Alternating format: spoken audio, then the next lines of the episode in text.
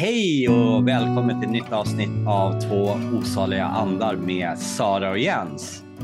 Och idag så ska vi prata lite om ett kanske ett provocerande ämne och det här med manliga och kvinnliga språket. Så Mm. jag säger välkommen till Sara. Tack Jens! Ja, det är ju faktiskt måndags eh, natt nästan Ja, när vi spelar in det här. Ja. Jag som är tant, jag är 38 minuter över min läggning, läggtid. Läggningstid, vad heter det? Över läggtiden, Ja. ja. Ja. Man är ju en vanemänniska. Jag är ju också sådär att jag vill gärna Mm. eh, lägga mig i samma tid varje kväll. Eh, annars passerar jag min bäst före, tror jag. Ja, ja, jo men precis, lite fortare i alla fall. Bäst före-datumet, det krymper. ja, Man har jag, inte fått tillräckligt mycket sömn. jag, hade, jag hade halv ett som nattid förut när jag var 20. Alltså inte efter det, det sa jag till Oj. mig själv. Sen Ja, har det där nej. krympit. Jag, vet inte, jag hoppas att det inte blir nio om eh, fem, sex år. Du, vem vet, det händer ju att jag går och lägger mig i redan nu. Jag skäms nästan för att säga det, men ja, jag älskar min säng. Jag älskar att sova. Ja, Och, jag. jag, är- jag är ju tydligen en morgonmänniska, så det, det är inte så att jag går och lägger mig nio och vaknar klockan tolv, utan jag vaknar också väldigt tidigt, så att jag utnyttjar, jag hör min mammas ord liksom ringa i huvudet. Det- Sov Men- inte bort hela dagen, det är någonting med det där. apropå manligt till kvinnligt. Eh, Mm. Jag har en... Jag, det här är absolut inte väl underbyggt, men kan det finnas någonting att fler kvinnor är morgonmänniskor? Kan det vara så?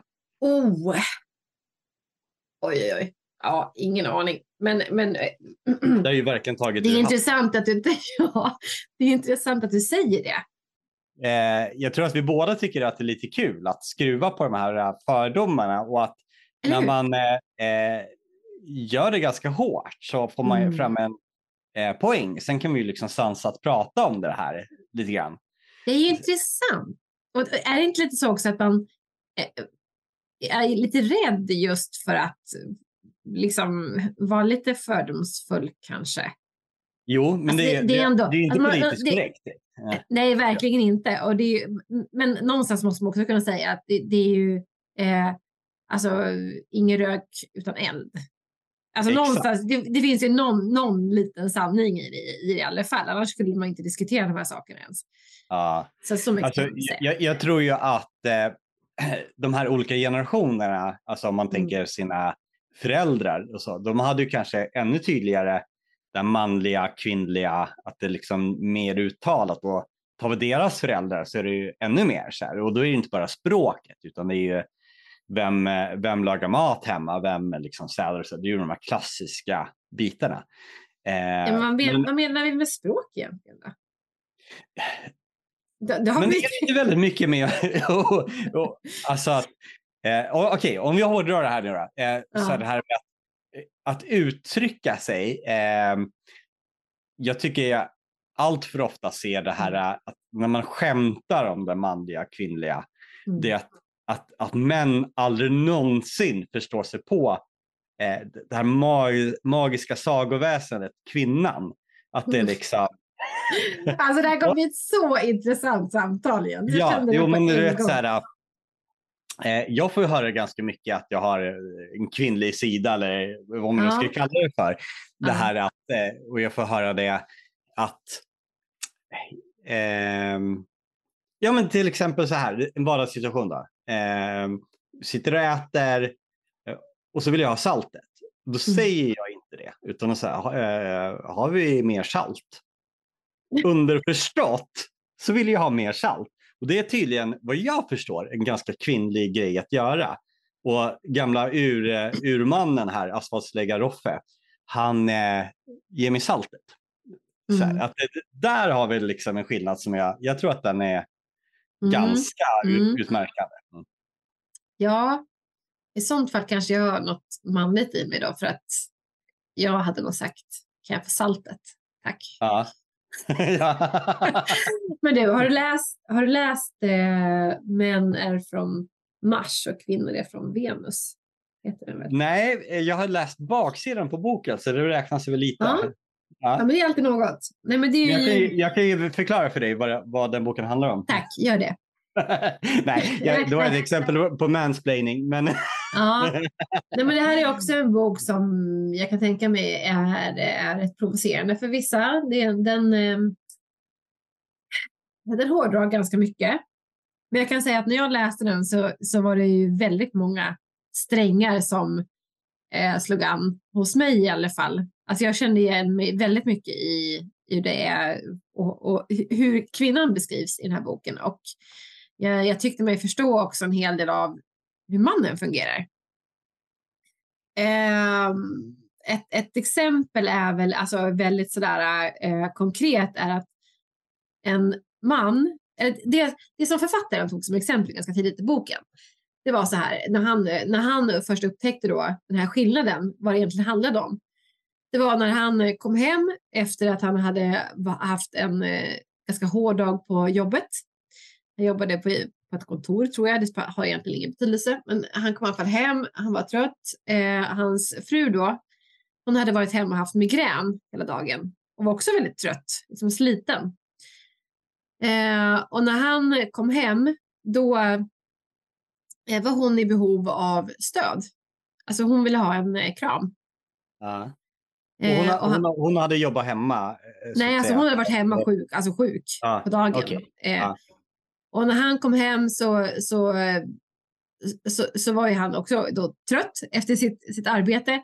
Och så var det något som hände där. Hon, eh, hon eh, eller han, han undrade väl typ hur det var och hon sa att ah, nej, men det har varit en ganska jobbig dag. Eh, och då försökte han liksom, ah, men ska du inte, då försökte han lösa situationen på något sätt. Alltså att hon skulle liksom bli piggare eller slippa den här huvudvärken eller, eller så och det trodde han var vad, vad hon förväntade sig av honom. Att han skulle ah, komma med en lösning alltså ta, på problemet. Ha en trio? Liksom. Ja, alltså, eller så här, ja, men, eller bara tyvärr, jag kan inte lösa ditt problem. Det har ont i huvudet. Ah. Jag kan inte lösa det. Men eh, han kände liksom en press att han att hon ville att han skulle lösa det på något sätt eller hjälpa henne med någonting. Alltså så här, ja, hjälpa till. Men det hon ville, med det hon uttryckte, det var bara att hon ville ha en kram, att han skulle eh, bekräfta hennes, att hon mådde dåligt. Och bara ge henne en kram och säga, ja men jag förstår, jag förstår att du mår dåligt och att du har haft en tuff dag och, eh, och så. Och det, det, det var liksom den, den kontrasten mellan kvinnligt och manligt. Att ja. han, han trodde att han förväntades lösa situation med något konkret. Nå någonting konkret. Och det hon ville det var bara liksom att han skulle eh, erkänna, eller vad säger man, recognize, eh, bekräfta hennes, eh, hur hon mådde. Och stötta ja. henne i det genom att ge henne en kram och bara tala om att han förstod vad hon gick igenom och så. Jag och tror det, där, genomsyrar, jätteklassiskt. Ja, genomsyrar på något sätt hela boken. Den här skillnaden. Eh, vad, vad, man tror, vad, vad, man tror att, att sin partner förväntar sig som man. Och man som kvinna då kanske egentligen eh, försöker förmedla. Och där ligger liksom den här kontrasten och konflikten. Uh, jag vet inte varför det är så, men jag måste ju ändå säga att jag känner igen det ganska mycket. Om en som man alltså eller? Ja, ja absolut. Om ja. en killkompis ringer, eh, då är det ju oftast med, jag, jag, vet inte om jag ska säga agenda, men det är liksom saker som den har mm. tänkt berätta. Eh, eller liksom det finns ett konkret, konkret syfte med det. är väldigt konkret. Liksom. Mm. De, det är någonting de vill berätta eller någonting vi ska göra. Eller så. Annars liksom, alltså det här telefonsamtalet har verkligen ett syfte och ett mål. Mm. Mm. Men ringer en tjejkompis, då jag fan om det finns några jävla mål. Eh, utan det kan vara bla bla bla, bla liksom, ja. om himmel och jord. Liksom. Eh, och det mm. kanske du också känner igen den? Om, liksom, ja. Dig, så. Ja. Jo, men absolut. Just att män är mer så här eh, konkreta. Hej, har du ett, eh, kan jag låna din eh, bla bla bla. Alltså någonting. Det är, det, ja. det är liksom inte så bara, hej, hur, hur, hur mår du? Jag vill bara höra hur, hur, mår du, hur din dag har varit. Sådär. Nej, just det. Nej. Eller. Om de har det så är det ett upptränat artigt beteende, känner jag nästan. Nu hårdrar vi igenom, men eh, det... Ja, men det har jag varit öppna med. Det kommer vi göra. Jag, jag tycker det... Då, sen har vi, känner jag förstås givetvis sådana som eh, är mycket bättre på att prata Mm. liksom, om ditt och datt och liksom, känslor och så vidare. Men jag har ju alltid känt mig lite som den här utomjordingen i, Mm. bland många kompisar. Så här, liksom. Mm. jag kan ju vara så här, ja men liksom, om jag säger så här, hur fick det dig att kännas i den här situationen? De bara, va? Mm. Vadå kännas? Mm. Vadå känns? liksom, jag vill inte känna något. Nej, men så här, Ja. det, och det blir så här, jag blir så ställd och nu när jag under många år liksom, nästan mest haft liksom, kvinnliga eh, vänner och så här så är det liksom det blir ju som att jag måste ställa om i tanken rätt tydligt. Så här, Mm. Att jag måste Mm. nästan anpassa mig till ett annat sätt att prata. Bli grabbig inom citationstecken. Eh, ja, på ett sätt lite grann. Mm. Så här, att jag får... eh, Jag, jag måste ju lägga band på mig själv. Det får jag göra. Ja, jag får men- inte vara och liksom toucha. Med vissa, då är det ju väldigt tydligt. Så här. Det är mycket lättare att prata om eh, någonting konkret. Om det är nu så här eh, Manchester... eh, Spelar de fotboll?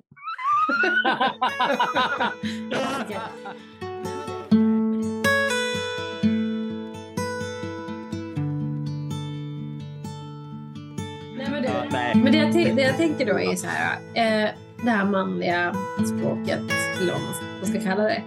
Är det, tror du att det är genetiskt? Eller tror du att det är samhället som eh, har fostrat männen?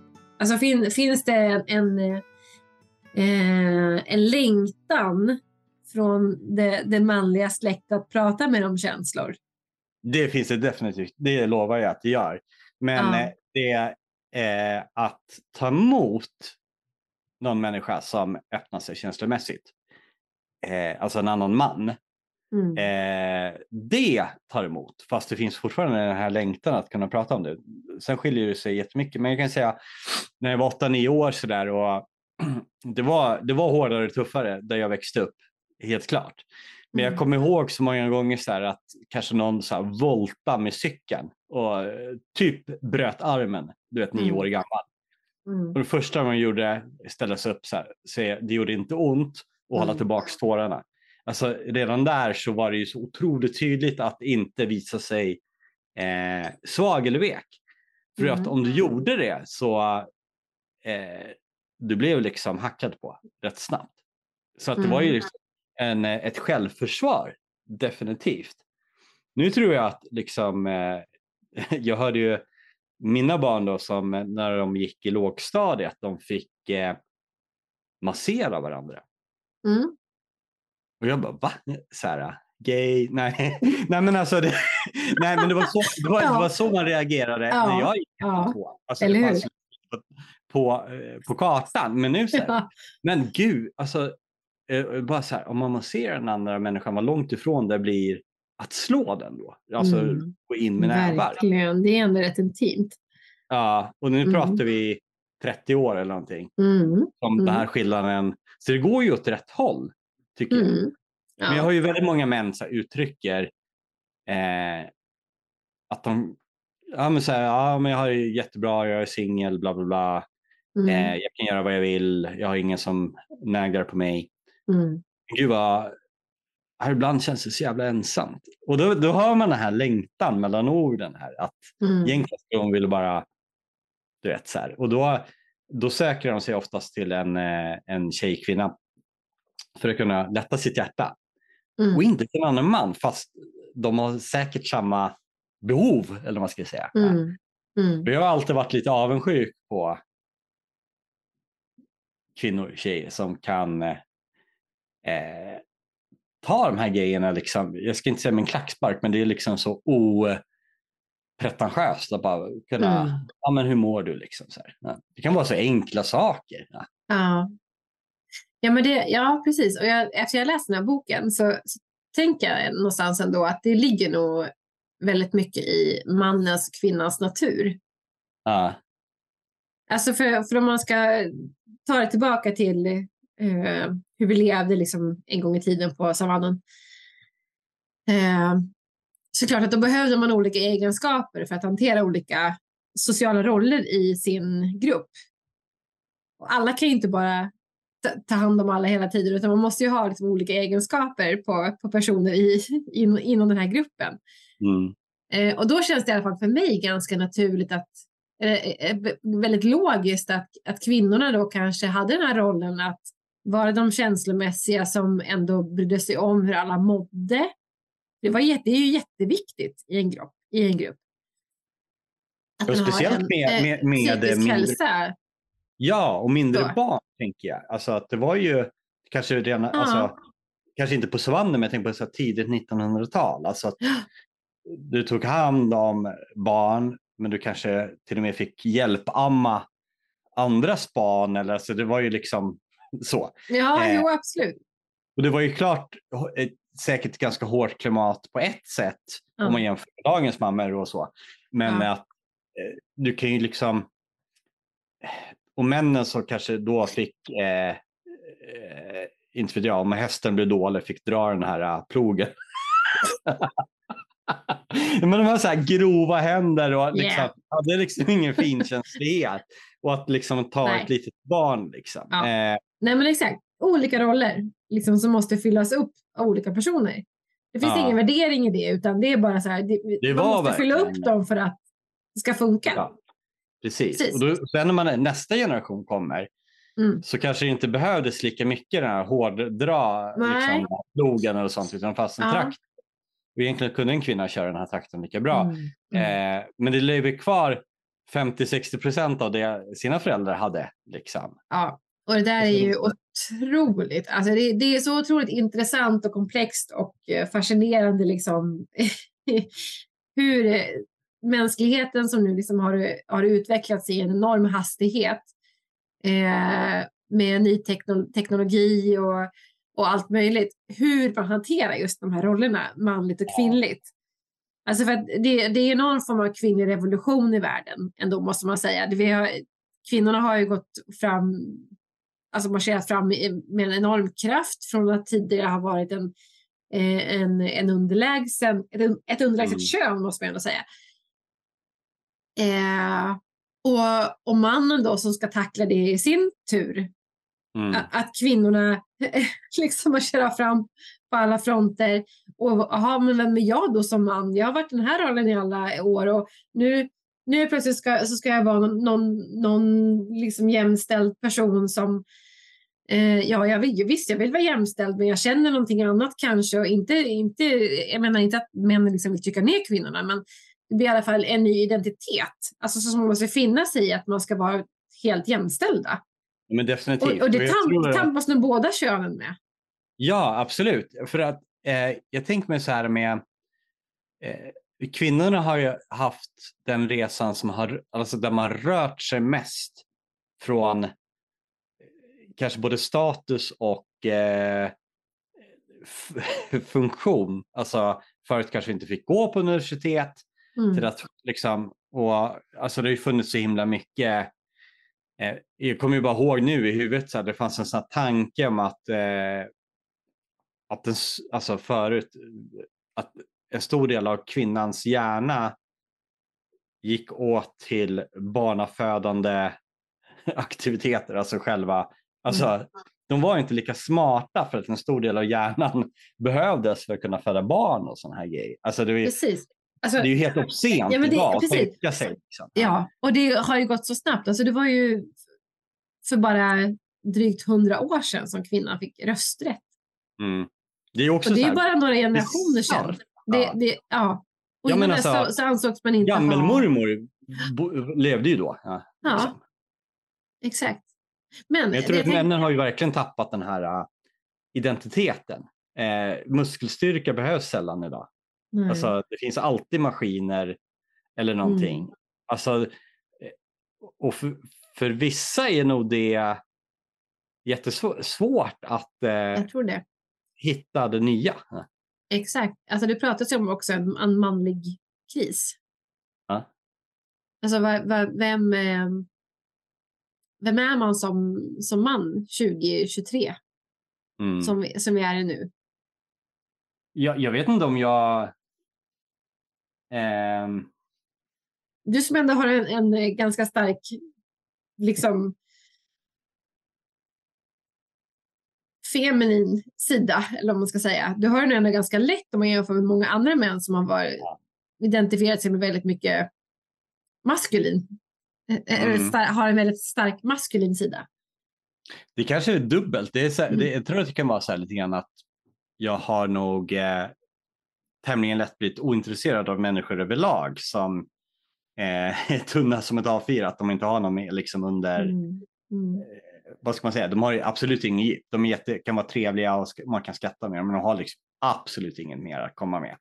Mm. Eh, det har jag generellt varit ointresserad av. Men om man säger då manligt kvinnligt så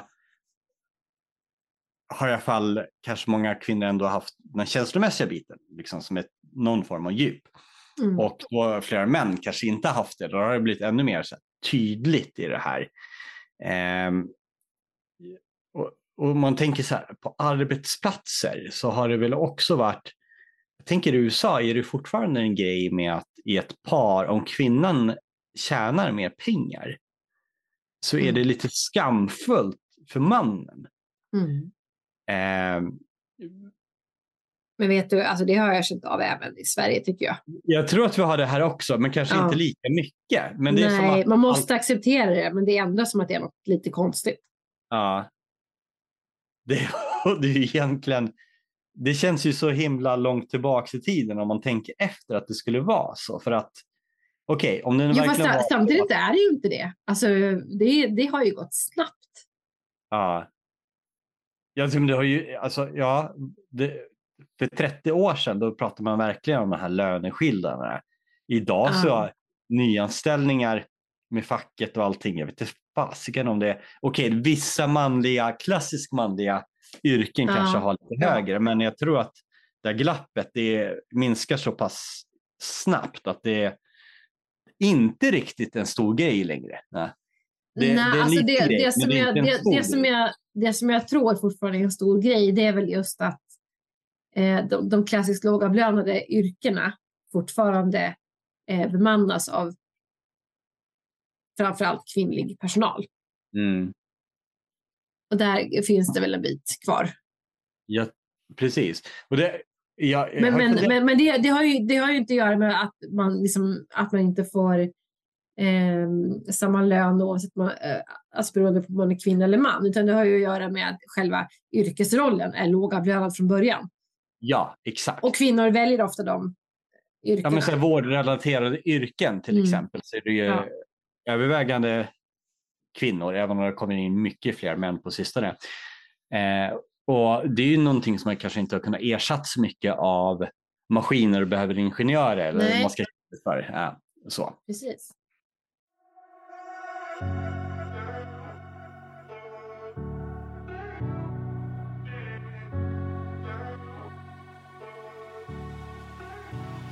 Men alltså jag tänker så här på, på eh, just med så här, att vi har ju yrken som är dominerade av ena eller andra könet. Vård, okej det är lite mer kvinnor. Eh, förskola definitivt mer kvinnor. För Mm. det har ju varit ett så här Mm. stigma med vissa pedofiler och grejer som har liksom smutsat Det ner säger, det säger ju min son ofta. Ja. Vi har bara tjejer, eller mammor säger han typ. Mm, ja. Som lärare, det är inget kul, jag vill ha en kille. han. Mm. Jag tycker det förstår. är Det, det, det, det, är en, det är en viktig poäng, för att han har ju alltså ingen manlig förebild i förskolan. Nej, och jag tror både, både tjejer och killar, eller flickor och pojkar i den åldern behöver eh, inte både man och kvinna, men det är unga gammal, eh, ena och det andra liksom, för att få mer perspektiv. Så är det alla Ja, 35 år och heter Anna eh, Mm. och kommer från samma liksom, ort, nej men vad som helst, att det blir väldigt likställt så är det ju, ja. man får ju verkligen inte rätt bild av eh, samhället. Nej, Någonting. Ja. nej, och man kan ju hoppas att de är, är välutbildade. Men, eh, men det händer ju att dis- diskussionen kommer upp eh, inom vår familj. Just det här att eh, pojkar är ju ändå pojkar. Och flickor är ändå flickor. Alltså Mm. man märker ju väldigt tydlig skillnad på barn. Alltså min son, han är fem år, han vill ju gärna eh, springa runt och vara superhjälte och slåss och liksom. Och jag kan inte påstå att jag har premierat, i alla fall medvetet, någon form av våldskultur hemma hos Nej. Utan det är, jag tror faktiskt att det har att göra med att han är man, eller en Mm. liten man. Liten man. En liten man. Eh, och jag kan ju tänka mig, jag, jag vet inte det, men, men har, man, har man uteslutande kvinnliga pedagoger på förskolan så har jag svårt att tänka mig att de manliga aspekterna får samma utrymme som de kvinnliga i, Mm. i liksom undervisning och, och så som de ändå ägnar sig åt. Ah, tror känns som jag är ute på det djupt vatten men ja. Men, men, men jag tror det är en sån viktig grej. För jag tror att fyra, fem, sex år sedan, eh, när, jag, ser sådana stora svängningar i samhället, att pendeln gick väldigt hårt till eh, någon form av feministrörelse. Den var jättestark, ja, men säg sju, åtta år sedan. Det var så otroligt stark. Man kollar på så här, feministisk initiativ eller eh, Mm, det. vilka, vilka valfrågor var öppet. Så här. Och det var som att det, pendeln slog så hårt från att ha varit liksom åt andra hållet under lång tid. Mm. Eh, och många blev så här lite arga, förbannade över det här, eh, inklusive jag, för att det kändes som att man försökte nästan sudda ut att det fanns skillnader. Det var liksom, det var bara hela tiden Mm. man pratade om att det är inlärning och att man köper rosa eller blå kläder. Men jag tror att det finns någon sorts balans att man kan sä, säga ändå att, liksom, eh, att det finns en skillnad rent biologiskt. Alltså jag vet ju min Mm. dotter när hon var tre år och hon fick en eh, klänning, en lite så här, nästan så här prinsessaktigt. Det var en här Mm. spansk prinsessklänning. Alltså hon blev helt mållös och liksom Mm. det rann glädjetårar. Och det var, Mhm. hon hade kommit till himlen. Mm. Eh, och så här, jag, så, jag tror inte vi kan eller ska Mm. sudda bort att det finns, finns ändå en sorts eh, biologisk skillnad. Sen Nej. ska vi liksom inte kanske behöver inte stärka det här i absurdum som det varit förut. Att ja, men du får inte göra det här för du är kvinna eller du får inte göra det här för du är man. Eh, men liksom ta hand om båda aspekterna lite Mm. bättre. För jag tror att den här pendeln liksom kastar sig från ena till andra sidan så himla mycket. Ja, verkligen. Och jag, jag tror att, alltså jag måste säga, jag får väl ge cred till mina föräldrar för att eh, jag är ju äldsta, äldsta syskon då eh, i en skara av tre. Och eh, jag kan inte säga att jag har blivit uppfostrad som någonting annat än människa faktiskt. Inte ett kön, utan en person. Åh, hur yttrar det sig? Ge några exempel. Ja, men eh, mina föräldrar, alltså min pappa hade ju väldigt starka intressen. Alltså, han gillade att åka skidor, han gillade att sporta, han gillade att göra grejer. Så här. Och jag tror jag aldrig liksom hört någonting om att jag skulle vara tjej eller kille eller så gör tjejer, så gör killar. Utan Ah, att, han, att han, mer han tyckte bara liksom att nu ska vi åka skidor och sen så var det och jag tycker du ska, det är kul att åka skidor så du ska lära dig åka skidor. Mm. Då var det bara ja, absolut. Eh, det, här, det här kände jag också är kul, så jag åker skidor. det var liksom inget snack om saken. Eh, och gällande mycket, väldigt mycket annat också. Eh, så, så har jag fått lära mig att vara väldigt självständig. Alltså att det var inte så här, du kan inte mecka med eh, VCRen, eh, videomaskinen när man var liten för att eh, det, det var det som gällde då till att börja med. Man hyrde en, en moviebox. Ja, just det. Men det var aldrig någon som bara, nej men det här gör pappa. Eller det Mm. här, det, det var alltid så här, ja men nu löser vi det här. Mm. Så jag har aldrig blivit uppfostrad till att känna att jag inte kan göra saker för att jag är tjej. Mm. Och det ska vara liksom stämplar på olika saker beroende på vilket kön man är. Eh, och det där tycker jag är en jätteviktig sak. Så att, om, det, om det är någonting jag vill lära mina egna barn så är det just att det handlar, jag vill inte få dem att tänka att det ska handla om att man kan göra vissa saker för att man hör till ett kön, utan det ska i sånt fall vara vad man känner är rätt eller fel som avgör vad man vill Mm. göra eller vad man trivs med. Och det, och det jag tycker kan, det är ett fantastiskt eh, sätt att uppfostra, att man ser individen istället för... Alltså, du skulle kunna meka bilar eller vara den här uh, rosa klänningar, men det spelar liksom ingen roll. Så. nej. För då, för då och är man då tjej och råkar man då gilla rosa klänningar så är det liksom fine. Mm. Då är det bara ens känsla för saker och ting som har avgjort saken. Inte nödvändigtvis vilket kön man tillhör.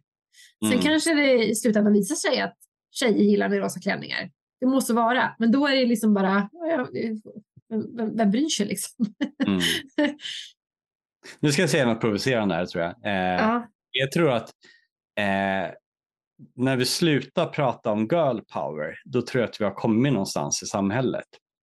ja, För, det, för nu, nu är det så här, äh, det är inga män som pratar om manpower, eller ja, firmor kanske, men det liksom ligger så här underförstått då att de är nästan, man behöver inte ens säga att vi är starkare eller du vet så här. Men Nej. girl power, när man pratar om det så här, det är så här, vi kan också. Ja, men varför Ja. behöver du säga det? Det är väl självklart. ja? Men så länge man liksom är så här, ser sig som en underdog som Mm, kan, mm, så är det fortfarande ett steg kvar. jag tror jag. Ja, exakt. Jag tror, jag tror du verkligen slår huvudet på spiken där. För det handlar ju, som du säger om att, alltså, vill man hävda någonting för någon annan? Eller försöker man övertala sig själv om att jag kan? Ja, jo, men det är liksom nästan en övertalan. Vi kan också. Ja. Men, ja, självklart. Var- Varför ska du ens behöva Ja, försöka övertala mig att du kan? Du kan. ja. Här, ja, men, ja men på, något, på något sätt. Ja. Så, ja. Men det, det, det finns ju de som har eh, är liksom mellan två kön eller har liksom en, en identitet eller att man föds i fel kropp och så vidare. Och så har man då Mm. genomgått behandlingar med eh, antingen från en mer kvinnlig sida till en mer manlig eller tvärtom. Eh, och då har man ju fått eh, oftast någon form av hormonbehandling i kombination med något annat. Eh, och eh, då har man ju också sett att det har blivit vissa personlighetsförändringar och fysiska förändringar. Fysiska är kanske Mm. mer självklara, en, en, en mer kvinnlig kropp som går till manlig. Visst, liksom skäggväxt och eh, kanske lite mer muskler så här.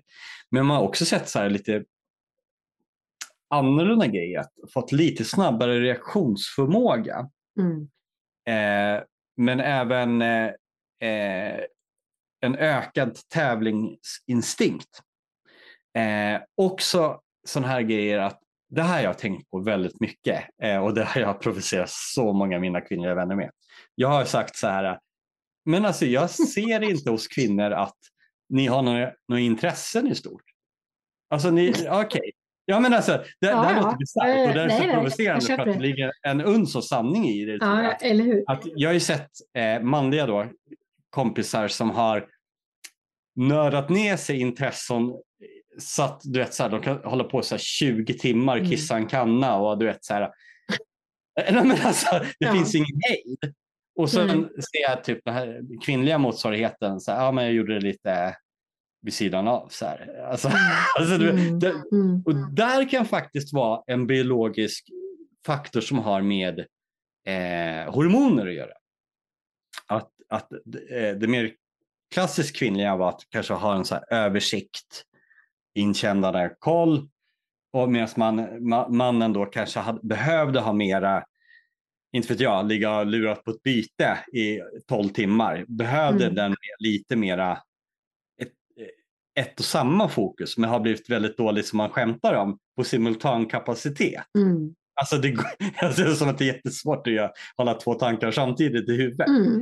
Eh, så att, jag tänker att det finns en uns sanning i det här ändå. Alltså att, Ja, men absolut. Och det känns, ja, ja, men precis. Men det känns ju inte speciellt långsökt när man tänker på hur fort eh, människan har utvecklats.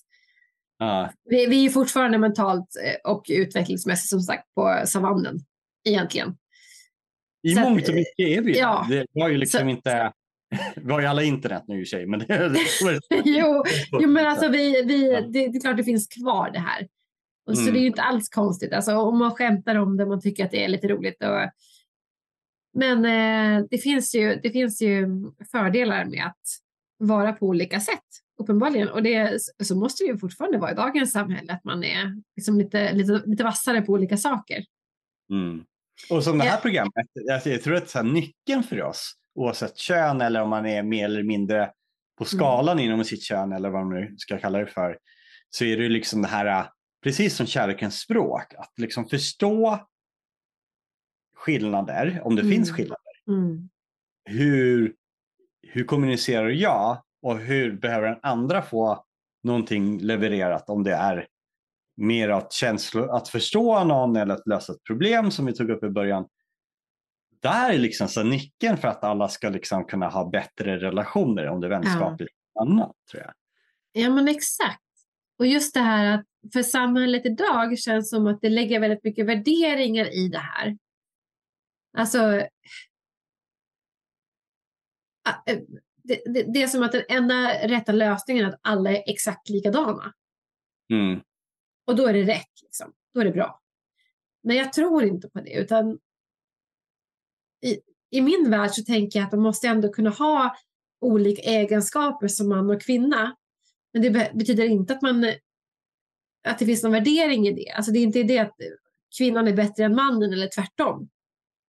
Man är bara olika på ett sätt. Mm. Och tillsammans så kompletterar man varandra och man kan lösa saker och fungera i symbios tillsammans. Ja, Och, precis. och, så- och så försök, måste man försöka liksom anpassa de här egenskaperna efter hur, vi- hur vi lever i dagens samhälle. Och bara det är ju en jättesvår eh, sak att lösa. Och det känns som att idag så, så är det olika krafter som försöker liksom tala om för oss hur vi ska bete oss beroende på om vi är man eller kvinna. Mm. Och sen så försöker folk anpassa sig för man tänker att det är det som är det, liksom det politiskt korrekta saken att göra. Men det kan ju bli otroligt fel om man inte någonstans också lyssnar på vad man faktiskt egentligen känner och hur man fungerar. För det kommer bara bli enorma eh, konflikter liksom, in, ho, hos, hos individerna i samhället. Alltså, om man är kvinna och ska helt plötsligt bete sig som en man och ha de, de eh, sätten att agera så, så blir det otroligt svårt. Det kommer ju gå emot allt som vi egentligen vill och känner och likadant för mannen. Att man ska Ja. anpassa sig och vara någon slags, jag vet inte, eh, unisex-person. Liksom. Alla ska vara så här unisex. Ja, jag vet. Jag tror att det, jag tror att det här, äh, det man kallar för politisk korrekthet, och där har ju många haft väldigt mycket, det har blivit väldigt polariserat vad man tycker Ja. om politisk korrekthet. Eh, Ja. mitt take på det hela är nog att jag ser det som ett, egentligen är det väl en god kraft att man vill liksom väl med någon form av, eh, man följer liksom samhällets, eh, vad ska man kalla, kalla det för, anda kanske. Mm. Det är väl det som är politisk korrekthet. Men nackdelen är ju liksom att det är någon sorts här väldigt kraftigt tankelås. Du får liksom inte ha åsikter utan att bli liksom nedskriken. Liksom. Att du, om du går utanför det här. Och det är så tydligt då, om man tar någon så här dum liknelse med mode till exempel. Mm. Så är det ju liksom någonting som anses fult idag. Kanske ganska vackert för att det är mode om fyra, fem år. Och det Mm. som är fint då kommer anses lite så här töntigt och outdated om fem år till. Och har man då levt och sett sju, åtta olika modestilar passera och vissa komma tillbaks. Så är- vilket var, det var så jäkla rätt men eh, under vissa år så var det jättefel för Mm. tre år senare. Det finns inte så skarpa vad som är rätt och fel tycker jag utan det är liksom eh, lär dig tänka själv liksom någonstans. Mm. Hitta, hitta det. Alltså, bara om vi går tillbaka till 80-talet, det här är så här en grej jag vet att så här, bilmäckar eller så här, otroligt manliga yrken kunde ju ha liksom så här pin-up-kalendrar på väggarna. gud ja. ja. och det är ju så här, man bara, är det sant? Ja, det är sant. Ja, ja, ja. Mm. Eh, och då kan jag ju verkligen tänka mig då att kvinna skickar mannen till verkstad. För att du, du blir liksom först och främst som en imbecill, att du, du, ja, men du vet ju ingen bilar, bilar. Men sen också mötas av de här Mm. översexualiserade men alltså hela den grejen. Liksom. Mm. Eller mannen som har liksom rört sig på då fel aria. Liksom. Så, ja, men du vet inget om, om det här. Liksom. Så här, ut härifrån, ut i köket. Eller Mm. vad det nu kan vara. Mm. Så, eh, så det känns ju ändå så här, det är ju klart mycket skönare klimat överlag. Eh, Mm. Nu så. Ja.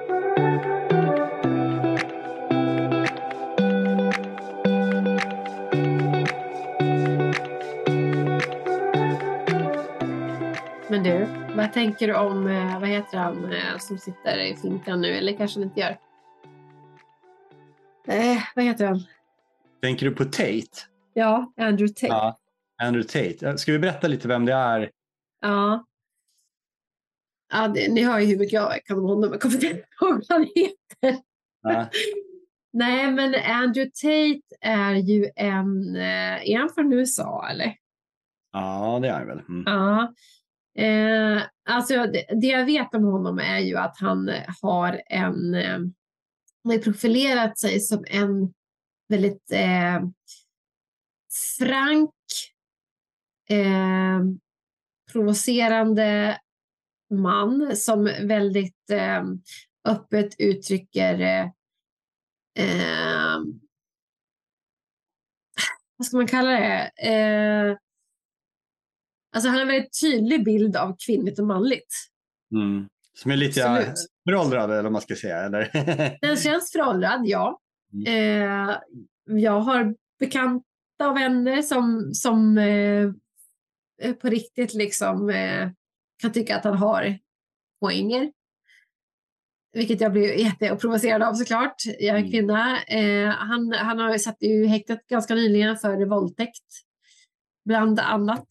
Eh, och det finns också en dokumentär på, jag vet inte ihåg vad det var den går någonstans, men det får vi väl lägga upp i efterhand. Men Han är Eh, väl en fighter i grund och botten, alltså en sån här MMA eller kickboxer. Ja, men det är han väl. Och sen så har han ju också någon slags klubb för, för män. Eh, som liksom går till någon form av ursprungsman, om man ska kalla det. Mm. Eh, där mannen ska veta vad, vad, vad, hur det är att, att vara man enligt Andrew Tate och eh, vad man har för rättigheter, hur man ska behandla kvinnor och så vidare. Och vad, vad kvinnans roll är i samhället. Jag förstår varför han får så många Ja, jakare på ett jag gör också det. På tal Eh, om manlig kris, Ja, tänker jag. det, jag tror att det är den här, och speciellt då, eh, den, eh, jag tror att han är liksom rider lite på den här uh, Trump ehm, vågen eller kulturen som finns som blev liksom ett, ett eh, man pratar om eh, cancel culture och Mm. liknande i de här sammanhangen. Att, eh, USA som var väldigt här, progressivt ändå, började, liksom, började röra sig väldigt mycket så här med, även om efter Europa, med miljö och manligt kvinnligt, eh, alltså, flera olika kön och så vidare. Idag så har vi massor med stater som eh, har infört eh, eh, jättestora inskränkningar med abort. Det är väl typ Mm. mer eller mindre förbjudet i ga- ganska många stater. Eh, de har verkligen backat, men det är liksom en, en del i hela den här eh, sån här växelspaken, om man ska kalla det för. Att det, har liksom, det gick ganska långt, man pratar om, så här, eller hånar, och så här, man pratar om 30 kön i USA, att det finns namn för de här olika. Ja. Det är bara bullshit och så liksom kastas den här eh, liksom, pekaren tillbaks, eller Mm. växelspaken, så blir det liksom väldigt så här, kraftigt igen. Och då, Mm. Den här mannen tror jag får väldigt mycket så här, konstig positiv påhejning från de här som känner sig bortsprungna.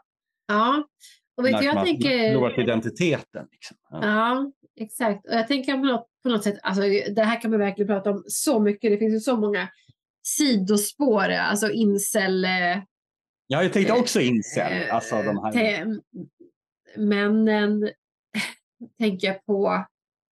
Eh, och ehm, ja, men det här, det här är så, ett sånt enormt ämne. Men någonstans tänker jag att det, det måste vara positivt med Andrew Tate. På något sätt.